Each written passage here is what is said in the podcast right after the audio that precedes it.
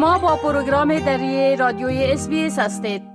شنونده های عزیز هفته که گذشت مصادف بود به بلند بردن آگاهی درباره بیماری اسما و استرالیا یکی از کشورهایی است که حوادث ای بیماری در او بسیار زیاد است. ما او کنون محترم دکتر فدا اقبال داریم تا درباره عوامل تداوی و جلوگیری از ابتلا به ای بیماری صحبت بکنن. محترم دکتر سب فدا اقبال با پروگرام دری SBS باز هم خوش آمدین. اول تر از همه اگر بگوین درباره ای بیماری صحبت بکنین که چی نوع بیماری است و چقدر عمومیت دارن.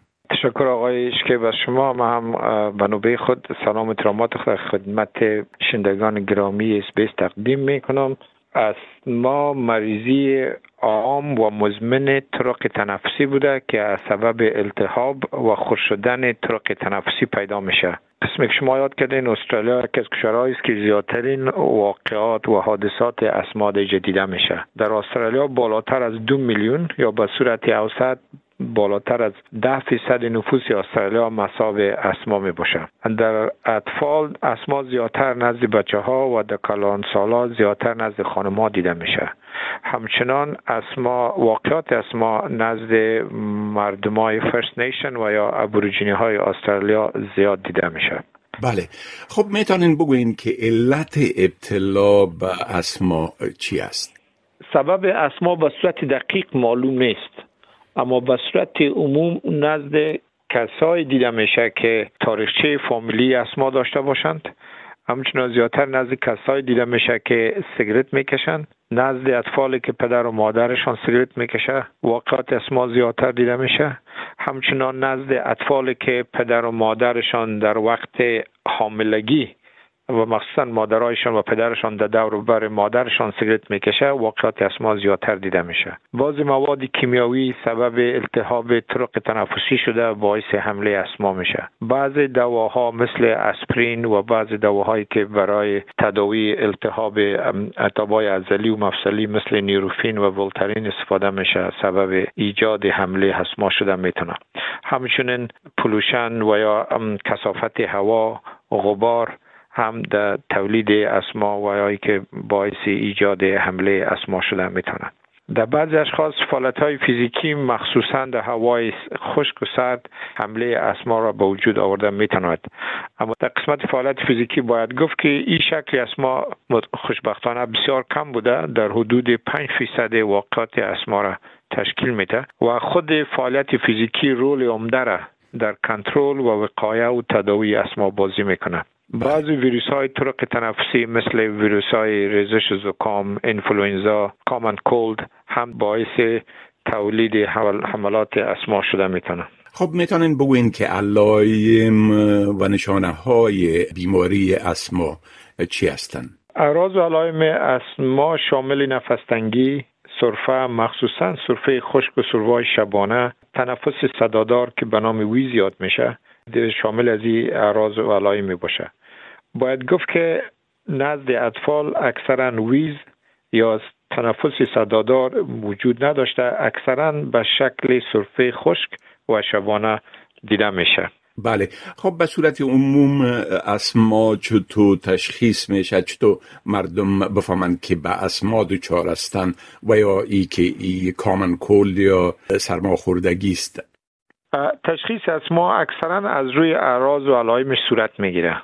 در نزد کاهلان اگر تشخیصی اسما در تشخیص اسما شک باشه یک تست یا معاینه است که به نام lung function test یاد میشه از روی استفاده میشه. نزد اطفال اکثرا تشخیص اسما از روی اعراض و علائم و تاریخچه مریض که به صورت دقیق توسط دکتر گرفته میشه تشخیص اسما وضع میشه. یعنی کدام معاینه خاصی که معاینه خون باشه و معاینه chest X-ray باشه و یا CT scan یا باشه که در تشخیص اسما کمک کنه وجود ندارد. به نزد کاهلا lung function test و نزد اطفال از روی اعراض و علائمش صورت می‌گیره. خب اسما چطور تداوی میشه دکتر سب اسما مریضی است که متاسفانه علاج نداره یعنی که there is no cure for asthma. اما خوشبختانه با تداوی های جدید و معاصر اکثریت مصابین اسما زندگی نرمال می داشته باشند. دوایی که برای اسما استفاده میشه شامل دو گروپ است. گروپ اولش شامل دوایی است که به نام ریلیور یاد میشه. یعنی این دواها سبب باز شدن طرق تنفسی شده در قسمت نفس تنگی و تنفس صدادار کمک می‌کنه این دواها که بسلا که دو دوای بسیار مشهور است و که دوای ونتلین و برکنیل است و شنوندگان گرامی که اسما دارند به نام از این دو پفه یا انهیلر آشنایی دارند. دیگه دید از این تداوی ریلیور وقتی استفاده میشه که نزد مریضان نفستنگی ویز یا صرفه داشته باشند و کسایی که اسمایشان کنترل خوب شده باشه یعنی باید اضافه تر از سه یا چهار مرتبه در یک هفته از دوا و این دواها ضرورت پیدا نکنند. اگر به صورت عموم کسی که به دواهای ریلیور یا ونتلین خود از سه یا چهار بار در یک هفته زیادتر ضرورت پیدا می‌کنه معنی عزیز که اسماش کنترل درست نشده باید دکتر فامیلی خود ببینه و از اون نظر بخواه. که در او قسمت دکتر فامیلی باز تصمیم خواد گرفت که از دواهای استفاده میشه که تداوی وقایوی برای وقایی اسما کمک می‌کنه. که مثال دو مثال بسیار عمدهش یکی Seretide است که یک inhaler یا puffer بنفش یا بانجانی و یک Symbicort است که رنگ سرخ و سفید داره. و اگر مریضای مصاب اسما از این دواهای وقایوی خود به صورت منظم استفاده کنند. احتیاجشان به دواهای اولی و گروپ اول مثل Ventolin بسیار کم می باشه و بسیار زیاد مهم است که کسایی که ای دوا برشان تجویز شده و توصیه شده باید هر روزه از دوا استفاده کنند. نه ای که تنها وقتی که حمله اسما سرشان میه بله. خب تداوی و شدت اسما در زمان حاملگی و شیر دادن کدام تاثیر ناگوار داره یا نه؟ سوال بسیار خوب است. باید گفت که واقعات اسما در زمان حاملگی و شیر دادن کم و زیاد نشده و همچنان شدتش نزد خانمای حامله تغییر نمی‌خوره. بعضی خانمای حامله تغییر, شدتی زیادتر شده است. نزد بعضی خانمای حامله شدتش کم و در بعضی هست هیچ تغییر نمی‌کنه. اما اگر زن حامله اسمای شدید نزدش پیدا شوه و درست تداوی نشوه عوارض ناگواری را بالای طفل که در داخل رحم است به وجود میاره. از این خاطر زنای حامله که اسما دارند باید به صورت منظم با دکتر فامیلی خود فامیلی خود مراجعه کرده و نظریات زور تطبیق کنند بله خب شما چی توصیه برای شنونده ها دارین که از حملات اسما یا از واقعات اسما چطور جلوگیری کنند سوال بسیار خوب است. مسابین است. ما باید کشیدن سیگرت تر کنند. و پدر و مادرایی که سیگرت می‌کشند باید دور و بر اطفال و دماوند داخل اتاق یا خانه سیگرت نکشند. برند خارج بکشند. در داخل موتر سیگرت نکشند. دکتر فامیلی خود به صورت منظم حداقل هر شش ماه ببینند و امکان داشته باشه در خانه وضع کارپت از تمبر و تال استفاده کنند از بالشتایی که پر داشته باشه و لیافایی که پر باشه استفاده نکنن. زیادتر کوشش کنن که از بالشت و لیافای پخته ای استفاده کنن. و همچنان بر روی لیاف بالشت خود از تکایی که ضد دستمایت است از او هم استفاده کنن. اگر شبانه سرفه خشک و نفستنگی برشان زیاد پیدا میشه باید با دکتر فامیلی خود مشوره کنند.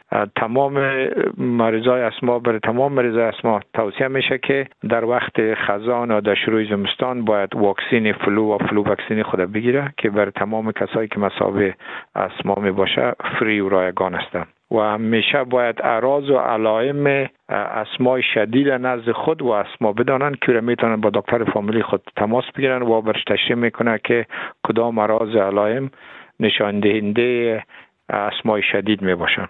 بله. خب دکتر صاحب محترم از این معلوماتتان بسیار تشکر و فیران شما را به خدا می سپارم و روز خوش برایتان آرزو می کنم. تشکر از شما و هم شما را به خداوند کریم می سپارم. خدا حافظ شما. می خواهید این گناه گزارش ها را بیشتر بشنوید؟ با این گزارشات از طریق Apple Podcast، Google Podcast، Spotify و یا هر جایی که پادکاستتان را می گیرید گوش دهید.